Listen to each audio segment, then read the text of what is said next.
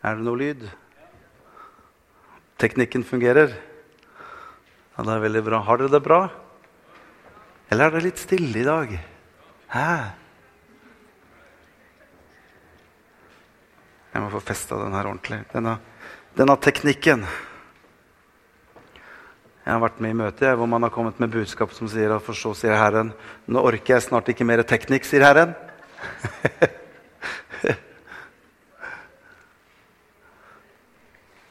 sånn. Nå begynner det å komme på plass. Godt å se dere. Jeg må bare beklage at sykdommen tok meg forrige Jeg ble slått helt ut av, eh, av menighetsmøtet og ble slått ut på mandagen og var ganske dårlig utover i uken. Og begynte å komme meg litt sånn i begynnelsen av denne uken. her. Så nå begynner stemmen å komme litt tilbake igjen, og, krefter begynner å komme tilbake igjen.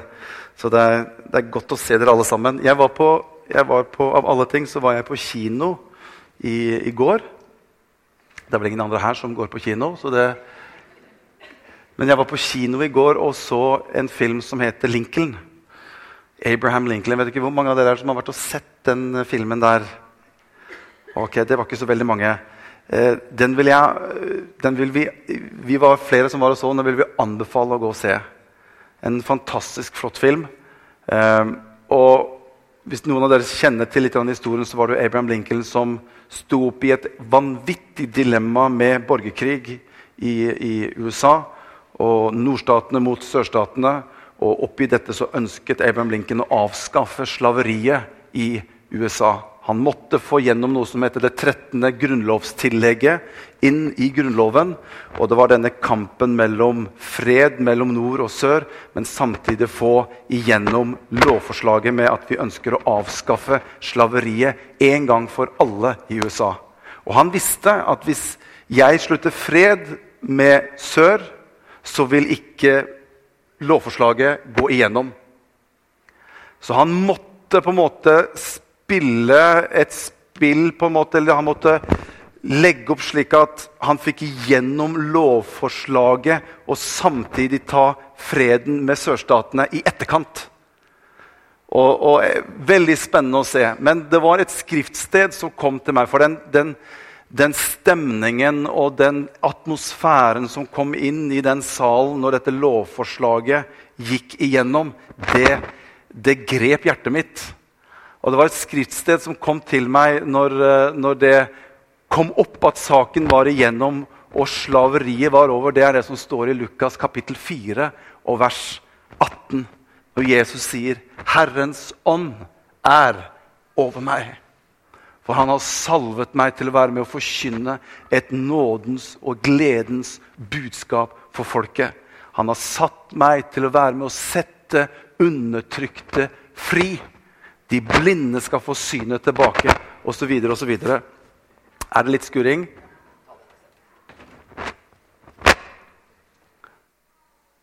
Da slår jeg av denne her.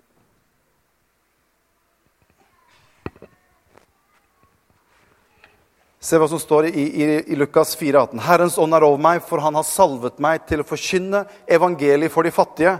Han har sendt meg for å helbrede dem som har et sønderknust hjerte, og for å rope ut frihet for fanger, og for at blinde skal få syn igjen og sette undertrykte frihet, og rope ut et nådens år fra Herren.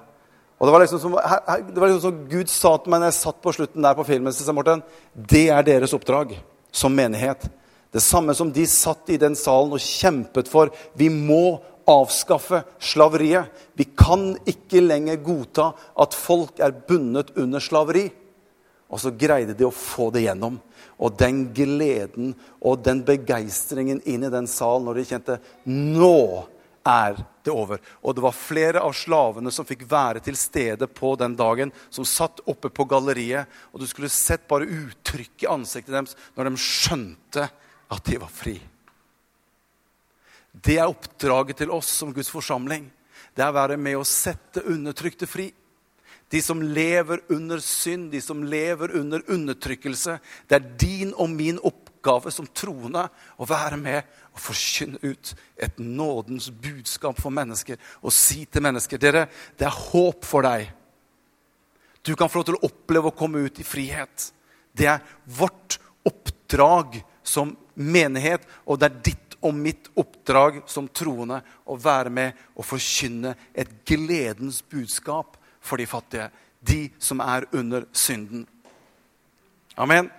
Så gå og se den filmen og bli inspirert til å være med og forkynne et nådens budskap for Jesus. Amen. Jeg hadde bare lyst til å hilse dere med det før jeg går inn i det som jeg ønsker å, å, å dele med dere i formiddag. Eh, jeg har jo annonsert at jeg ønsker å dele litt rundt noe som er kalt for at det lønner seg å be.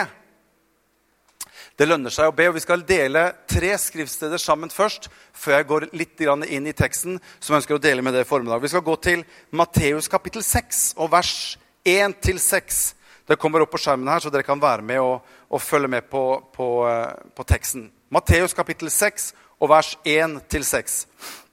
Der står det Se til at dere ikke gjør deres gode gjerninger for mennesker, for å bli sett av de. Da har dere ingen lønn fra deres far i himmelen. Når du gjør en god gjerning, skal du ikke markere det ved å blåse i basun, slik hyklerne gjør i synagogene og på gatene, for at de skal bli æret av mennesker.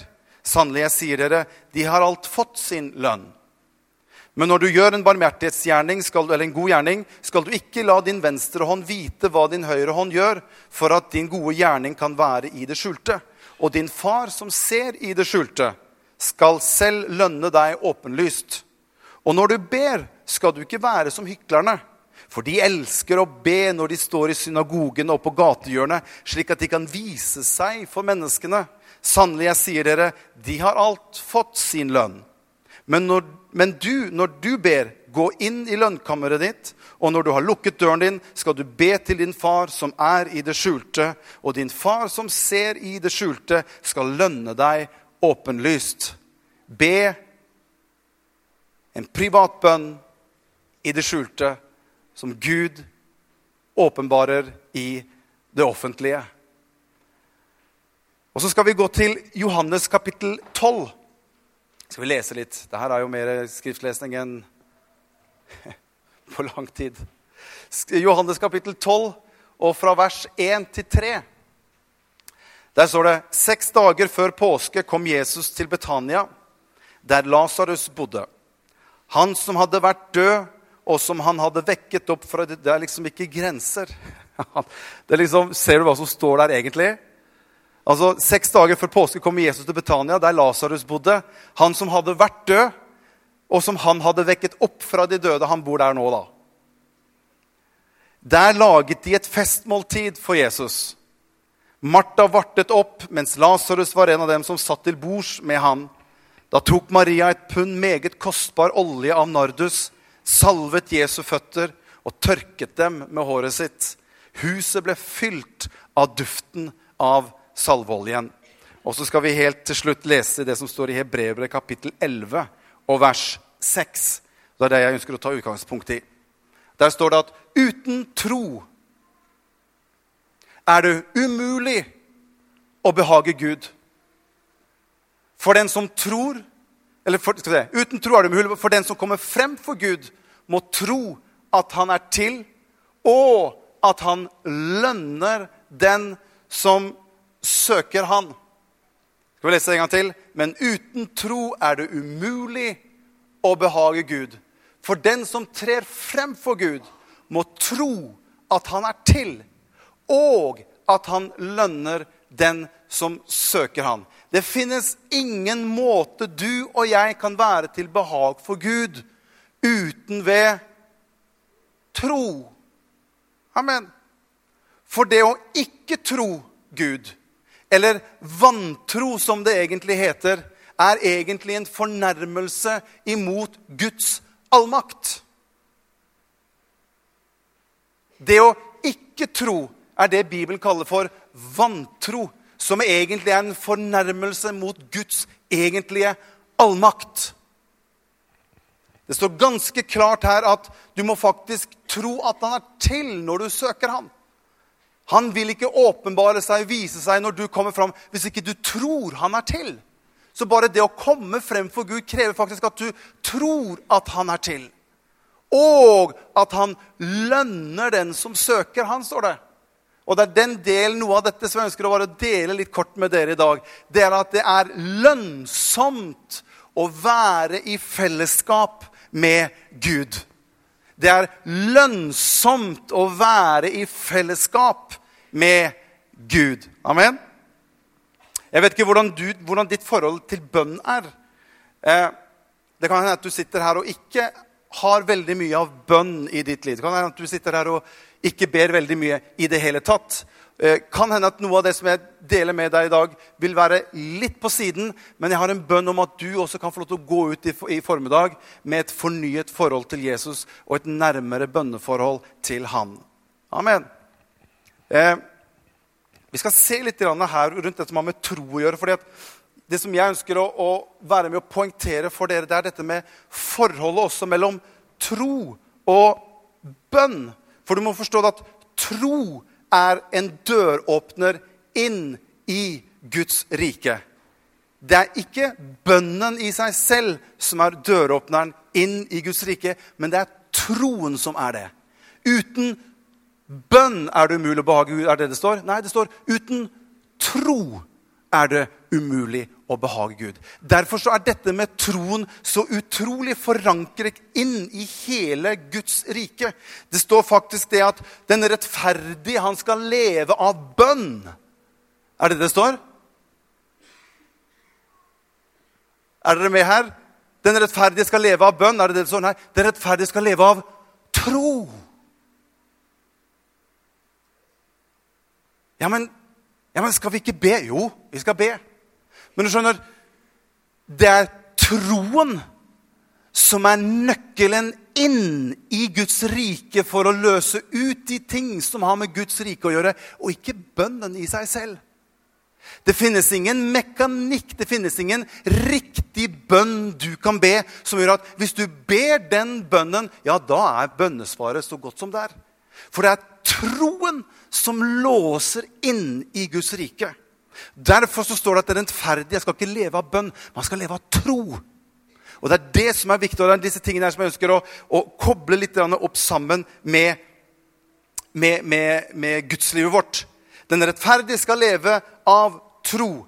Vantro gjør det motsatte. Du skjønner, Guds krav mot deg og meg som menneske, det er ikke i utgangspunkt menneskets syndige gjerninger. Det er ikke det som på en måte står imot Gud, men det er det som står bak de syndige gjerningene til menneskene. Det er vantro. Hvis du leser f.eks. i Johannes kapittel 3 og utover der, så vil du se at roten til synd, det er vantro. Vantro er det som er motsatte av tro. Og det er ut ifra vantro at synden kommer. Så når Guds krav mot deg og meg står, så er det ut imot det som har med vantro å gjøre. Vet du hva Jesus snakker om i kapittel 16 i Johannes? Så sier han det at, at uh, Den hellige ånd skal komme og så skal han overbevise verden om rettferdighet, synd og dom. Og så sier han synden er Hva sier han for noe? At de ikke tror. Ser du koblingen mellom synd og ikke å tro? Synd er et produkt ut av å ikke tro på Gud. Så det er vantroen som Gud egentlig er på jakt etter. Og du skjønner, Når du og jeg som en troende begynner å tro Gud, så brytes syndens forbannelse. Vantroen blir brutt, slik at Guds rike får lov til å begynne å gjøre seg gjeldende og synlig igjennom våre liv som troende. Amen. Og det er disse tingene som er viktige å få, få med seg. Vi ser, i Johannes 3, så står det For så høyt har Gud elsket verden, at han ga sin sønn den eneste, står det, for at hver en som tror på ham, ikke skal gå fortapt, men ha evig liv. Det skriftet her, det bruker du og jeg veldig ofte opp imot det med å ta imot Jesus og bli frelst. Men jeg tror på det som står der, som noe mer enn det. Jeg tror på det som et generelt prinsipp. Uten Det står at den som tror, skal bli frelst. Det er et prinsipp i Guds rike at tror du, så vil du oppleve at Guds rike slår inn med det det har av kraft inn i ditt og mitt liv. Så det er ikke bare opp imot frelse. Men hver den som tror, skal oppleve Guds rike manifestert inn i sin situasjon og inn i sitt liv. Det er troens store hemmelighet. Amen. Et eksempel på det er jo Abraham i Det gamle testamentet. Henger dere med fortsatt? Abraham i Det gamle testamentet han var en mann som ikke trodde på Gud. Han var en hedning, eller en hedning er jo en som ikke står i en pakt med Gud. Som ikke har en avtale med Gud. Han sto på utsiden. Denne mannen som sto på utsiden, begynte plutselig å tro Gud. Og når denne mannen som sto på utsiden av Guds rike, begynte å tro på Gud, så begynte Guds karakter å gjøre seg gjeldende gjennom Abraham sitt liv. Han åpnet opp noen hemmeligheter hos Gud. Når han begynte å tro på Gud, så begynte Gudslivet og Guds sannheter begynte å gjøre seg gjeldende igjennom Abraham sitt liv. Og det står faktisk at han trodde seg til rettferdighet. Så når Abraham begynte å tro på Gud, så ble han faktisk rettferdig. Synden hans ble tatt bort, for han begynte å tro Gud ut ifra de prinsipper som Gud har satt for dette med tro. Det står til og med at Abraham han trodde Gud. Altså Abraham han ble en venn med Gud. Han ble Guds venn. Når du og jeg begynner å tro Gud, begynner du og jeg å komme inn i et vennskapelig forhold til Gud. Det var ikke bare fordi Abraham var sånn snill kar at han ble en venn med Gud, men han trodde Gud. Og han ble en venn med Gud. Halleluja. Henger du med fortsatt? Og når jeg skal tro Gud, så må jeg jo vite litt hva skal jeg tro på. Hvem er det du tror på? Hvem er Gud? Og det er viktig at du og jeg, når vi har et trosforhold til Gud, så vet vi litt om Gud. Gud ønsker at du skal tro at han er god. Du må tro at han er hellig. Du må tro at han er ren. Du må tro at han er allmektig. Det er mange sider ved Gud som Gud ønsker at du og jeg skal anerkjenne han som. Og han ønsker alltid å vise deg nye sider ved seg selv, slik at din tro vokser. For når han viser deg nye sider, så vil din tro med en gang begynne å vokse. Men det er viktig at du tror han for det han er. Og jeg tror noen ganger Der kommer ordet 'tror' inn. Det er ikke den troen jeg snakker om nå. Det er den som vi snakker om tro. Jeg tror han greier det. Jeg tror han får det til. Vi bruker ordet tro veldig mange ganger inn i sammenhenger som på en måte ikke er det som Bibelen snakker om, guddommelig tro. Men jeg skal bruke det ordet tro allikevel. Jeg tror Gud lar deg og meg noen ganger gå gjennom en tåredal og en ørkenvandring. Nettopp for å kunne vise deg hva han er i stand til å gjøre for deg midt oppi dine vanskeligheter. Han viste seg som Gud når han førte Israels folk gjennom ørkenen. Midt i ørkenen så lot han vann springe ut. Og folket begynte å få se andre sider av Gud som de opplevde midt i sine vanskelige tider. Hør, Gud er med deg i vanskelige tider. Men han ønsker å vise nye sider av seg selv midt i dine vanskeligheter, sånn at din tro kan vokse.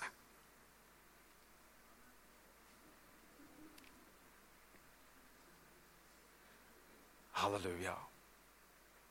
Uten tro er det umulig å behage Gud. For den som kommer frem for Gud, må tro at han er til. Så står det 'og'. Si 'og' og at han lønner den som søker han. For Gud kan si at ja, den som kommer frem, må tro at han er til. Og det behager jo meg, sier Gud, for det, det er jo til min fordel. Men det er jo ikke bare det at det skal være til hans fordel. Det er faktisk en fordel av å søke han for min del. Når jeg søker han, så er det en belønning i det å søke Gud. Han lønner den som søker ham. En, har du sett noen ganger i kriminalsaker hvor de utlover en belønning til den som kommer fram, og har noen opplysninger om saken? eller sånt nå? Ser du, du trenger ikke å gjøre noe spesielt, du trenger ikke jobbe for det. Du kommer frem, og så sier du det du har på, på, på, av opplysning rundt saken. Og så er det en belønning til den som trer frem. Noe av det samme er det med Gud. Når vi søker Gud, så fins det en belønning i det å søke Gud. Jeg skal komme litt mer tilbake, for det, dette her er faktisk veldig veldig ålreit og veldig, veldig viktig. Så Gud sier at når du tror meg, så behager det meg. Men det er bare det Gud har fordel av.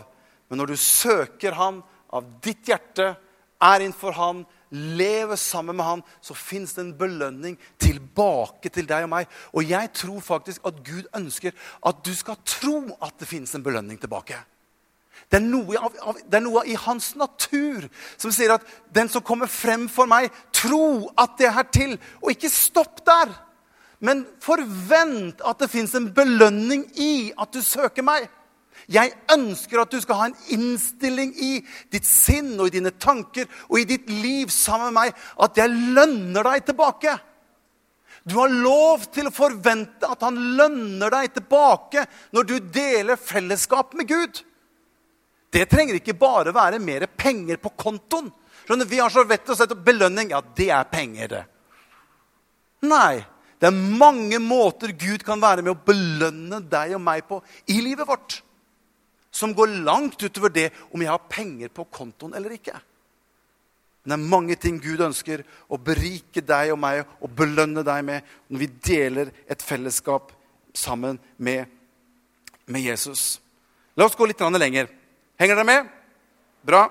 La oss gå litt lenger. Hvis vi går tilbake til skapelseshistorien, når Gud skaper himmel og jord, så ser du når Gud skaper himmelen, så står det at han talte, eller han bød, og tingene sto der. Det så Han talte til lyset, og han skilte lyset fra mørket.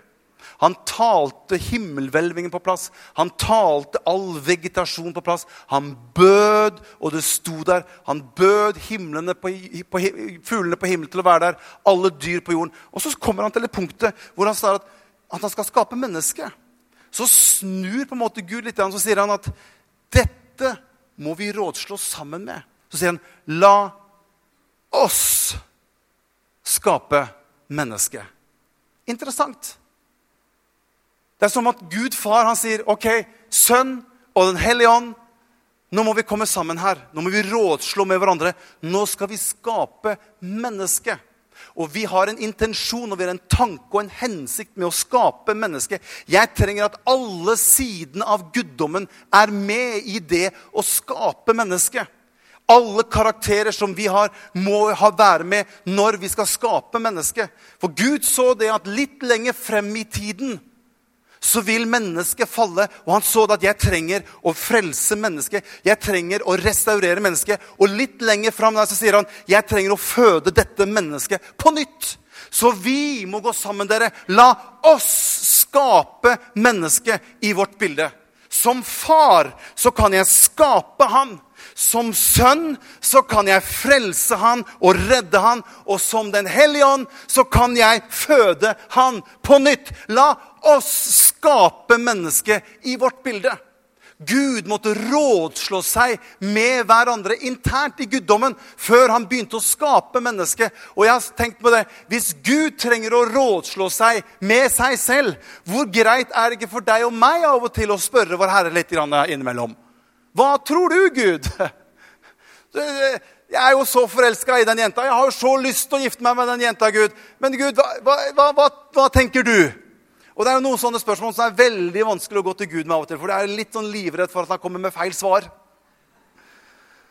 Hva tror du, Gud, om den jenta? Men vi trenger å rådslå oss med Gud i livet vårt. Gud, jeg ønsker å gifte meg med den dama der. Hun er så fin og flott, og alt ser så bra ut.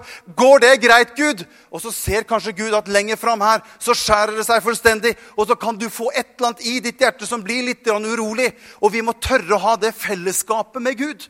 Når han trengte å rådslå seg med seg selv, så trenger vi å rådslå med Gud i livet vårt. Det lønner seg å ha et fellesskap med Gud og være sammen med han inne i ditt og mitt liv. Amen. Så kommer vi til det som, i, som vi leser om i Matteus. Dette med å be. Og Jesus snakker om dette med å, å være flink til å bruke masse ord når vi ber. Ikke gjør som de som bruker mange, mange ord. Kunne, det er en egen bibeltime bare om dette med, med, med bønn og bruke mange ord. Så sier Jesus litt i utestedet, så sier han, be, så skal du få. Enkelt som det. Enkelt og greit. Be, så skal du få. Du vet at Philip eller gutta mine vi, de, var, de, var, litt mindre. enn Jeg, hvis vi skulle til butikken, så var det sånn 'Å, pappa, kan vi bli med?' Og noen ganger så kunne jeg si 'Ja, det er greit'. B, så skal du få. Andre ganger så kunne jeg komme til pappa 'Kan jeg bli med?' Og da sa pappa eh, nei. Ikke denne gangen. Og så Det her har aldri hendt hjemme hos oss, da. Men jeg har hørt i andre familier at unga ikke gir seg bare med den første nei. For da hender det av og til at de, ja, men 'Pappa, jeg har lyst til å bli med. Kan ikke jeg få bli med, pappa?' 'Nei, du trenger ikke bli med nå.' Ja, men så fortsetter Og jeg vet ikke hva dere har gjort. Jeg har gjort det et par ganger. Det har hendt noen ganger at mitt første utgangspunkt er nei. For jeg elsker jo sønnen min like mye selv om jeg sa et nei. Det har ikke noe med far-sønn-forholdet at jeg sier et nei til han for det. Han detter ikke ut av min familie selv om, han, selv om han får et nei av meg. Men så fortsetter han, og så plutselig har det hendt av og til da, at på en måte, ok, hvis du står klar, hvis du fortere enn han får på deg skoene nå, så kan du bli med. Altså, Mitt første nei snur seg fordi han ga seg ikke med første nei. Det har noe med på en måte å gå litt hardere på Det, er, ikke noen unger her nå. Det her er jo eh, galskap. det har noe med å gå litt mer og si, 'Far, jeg ber deg om dette her. Jeg går på litt til.' Og det virker som når du leser i Det nye testamentet, når du leser om, om, om, Jesus, og, og, og, så virker det noen ganger som at det er en hemmelighet i det å søke ham. For det står nemlig 'be, så skal du få'. Så står det 'let, så skal du finne'. Let, så skal du finne. Let, så skal du finne. Let, står det. Let. Jeg, jeg, jeg sitter ikke hjemme du skjønner, du skjønner, jeg er på jakt etter en ny jobb. skjønner du. Og jeg sitter ikke hjemme og bare venter på, men jeg leter. For jeg har bedt til Gud om at han skal hjelpe meg å, å, å få en ny jobb. Let, så skal du finne Der er det! Let. Det fins noen hemmeligheter i det med å være innenfor Gud og søke Han og lete. Let, så skal du finne. Og det står faktisk så Bank på! Og så står det Og det skal lukkes opp for deg. Bank på, og det skal lukkes opp for deg. Og det er disse tingene her som jeg tror er viktig at du og jeg får inn i våre liv som troende i fellesskapet med Gud. For Gud elsker og Gud ønsker at du og jeg skal ha et fellesskap som gjør at det er en belønning ut ifra det fellesskapet vi har med Gud. Og jeg har tenkt på det som står i det verset hvor vi leser om, om Jesus som kommer til Betania. Der hvor Lasarus, Martha og Maria bor. Er, man regner med at Martha er, er, den eldste og kanskje er en enke og bor sammen med Maria og Lasarus, som er hennes søsken. Og de hadde et forhold til Jesus. For det virker som at når Jesus er på vei til Jerusalem, så er Betania det er ikke så veldig langt, det ligger litt øst for Jerusalem. Og det var veldig vanlig å gå gjennom Betania på vei til Jerusalem. Og det virker som at Jesus han stoppet opp hjemme hos Lasarus og Martha og Maria. Og han var der ofte. Og de tok han inn. De delte fellesskap med Jesus. De ga han å spise, og han overnattet der. Hør, de ba aldri om at han skulle få noe, på en måte at han skulle gi dem noe spesielt, men de hadde et forhold til Jesus. De bare likte å være sammen med Jesus. Og hør, jeg tror at verdien økte i forholdet mellom Jesus og Martha og Maria og Lasarus bare i det at de var sammen. Det økte verdien. Du vet, når jeg og Anette når vi flyttet til Røyken for mange år siden Vi bor i en sånn tomannsbolig i, i, i Røyken. Og når vi flyttet inn der, så betalte vi en sum for den. Vet du hva? Bare det at vi har bodd der Vet du hva som har skjedd? Verdien har økt. Bare at vi har vært der. Bare at vi har bodd der. Så når vanskelige tider kommer, så kan jeg hente mer ut av verdiøkningen. Og skjønner, Det er noe av dette som jeg tror skjedde med Maria og Martha og Lasarus. De hadde et fellesskap med Jesus som økte verdien i forholdet mellom dem. Så når Lasarus ble syk og han døde, så hadde de et forhold til Jesus som gjorde at de søkte Jesus. Så sier de, 'Få tak på Jesus!' Han må komme og hjelpe oss nå. Og verdien hadde økt. De hadde et fellesskap og en nærhet med Jesus som gjorde at når Jesus fikk vite at Lasarus var død, eller Lasarus var syk, så ble han sorgfull. står Det Det står Han ble trist når han fikk vite det. Først så fikk han vite at han var syk, og så ventet han. dere kjenner kanskje litt historien, skal ikke gå inn på det så mye, men han ventet litt. Og det som skjedde var at når han først kom frem til Martha og Maria, så var Lasarus død. Og de var litt småfrustrert og litt, kanskje litt irritert på Jesus. Som, fordi at, Vi ba deg jo om å komme. Vi ba jo en bønn Jesus om at du måtte gripe inn. Og så grep ikke Jesus inn akkurat nøyaktig slik som disse hadde trodd at han skulle gjøre. Og skjønner, Det er noen ganger det skjer i livet vårt også. Det, er ikke at det, det, skjer ikke akkurat slik som du og jeg hadde tenkt hver gang du og jeg ber. Men hør, det som skjedde med Martha og Maria, det var at de fortsatte å kommunisere med Jesus. De fortsatte å snakke med han når han kom. De ga seg ikke. 'Ja, men Jesus, ja, men Jesus, du, du skulle bare vært der litt før.' Da hadde, vi, da hadde det gått bra. Og så er det som Jesus sier, 'Martha og Maria' sa jeg deg ikke at hvis du ber mer, så skal du få lov til å se mer? Nei, han sa hvis du tror, så skal du få lov til å se hvordan jeg kan gripe inn. Martha og Maria, ta meg med til det sted hvor du og dere opplevde at hit kom vi med vår tro. Og etter dette så greier ikke vi å få til mer. Vi, greier ikke å skjønne og tenke at han skal stå opp fra de døde. Ja, vi kan tro at han kan stå opp på oppstandelsens dag. Det kan vi forholde oss til. Og så greide vi å forholde oss til at hvis du hadde kommet mens han var syk, men enda levende, så hadde du greid å gjøre han frisk. Men nå er han død, Jesus. Og alt håp er ute. Det er da Jesus sier, sa jeg ikke at hvis du tror, så skal du få lov til å se bare fortsett å snakke med meg. Fortsett å ha en dialog med meg. Og skjønner, Jeg ønsker, og jeg har en bønn ifra mitt hjerte, at ikke vi må bli troende som bare kobler oss på Gud når tingene går dårlig.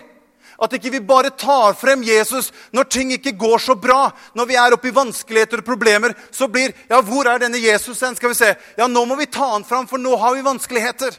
Jesus ønsker å være noe mer for deg enn at du bare skal ta han fram når det er vanskelig. Han ønsker å være din venn. Han ønsker å være en som går med deg hver eneste dag.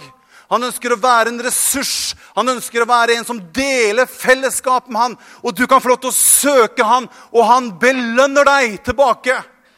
Ikke mist forholdet til Jesus.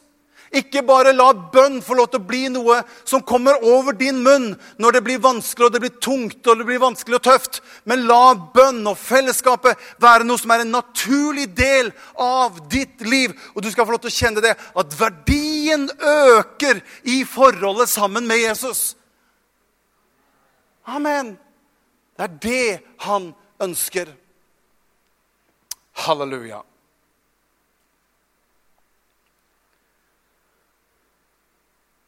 Det fins en belønning for de som fortsetter å søke Han når alt ser håpløst. Det er fantastisk å se med Jesus hvordan han går inn i den situasjonen med Lasarus. det beveger meg når det står om Jesus som sier til Peter Peter, jeg ba om at din tro ikke skulle svikte. Tenk for en Jesus vi har, som går i forbønn for din og min tro. Peter, jeg ba. Peter, jeg så at det var vanskelig for deg. Jeg så at troen din var svak. Jeg så at du ikke greide å holde den ved like på samme måte. Men Peter, jeg ba for deg. Jeg ba om at din tro ikke skulle svikte. Vet du, En sånn Jesus vil jeg holde meg nær til. Som jeg kan dele et fellesskap med. Som jeg kan være sammen med og kjenne hvordan Vi deler et fellesskap, og han kan få lov til å åpne opp nye sider av seg selv. Og jeg lærer han mer å kjenne, slik at min tro forøkes. Jeg tror på å be. Jeg tror på å be mye. Og, men nøkkelen ligger ikke alltid i hvor mye du ber ut av munnen, hvor mange ord som kommer ut. Det er ikke telleverket som på en måte avgjør at hvor mange klikk på en måte du får på, på, på bønne, bønnetelleren. At det er det som gjør at du blir noe mer enn de andre. Men jeg tror mye mer på det når det står at han skal gå inn i sitt lønnkammer. Vet du hva det betyr? For meg så betyr det å ha et personlig, indre liv sammen med Jesus. Jeg kan være hvor som helst, når som helst. Og jeg kan henvende meg til Jesus i et øyeblikk, i et nu, med et sukk som jeg kjenner går dypere enn bare at jeg uttrykker noen ord med min munn. I et øyeblikk, i et nu, så kan jeg si, 'Kjære Jesus, jeg tilber deg.' Og jeg elsker deg, Jesus. Det er noe mer enn at jeg skriver ned noen setninger med bønn. Det har noe med et fellesskap å gjøre sammen med ham. Og det er det fellesskapet som Jesus søker å ha med deg. Og han ønsker å vise deg nye sider ved seg selv som gjør at din tro kan vokse. Uten tro er det umulig å behage Gud. For den som kommer frem for han, han må tro at han er til, og at han lønner den som søker ham. Det lønner seg å be. Halleluja. Skal vi reise oss opp, alle sammen?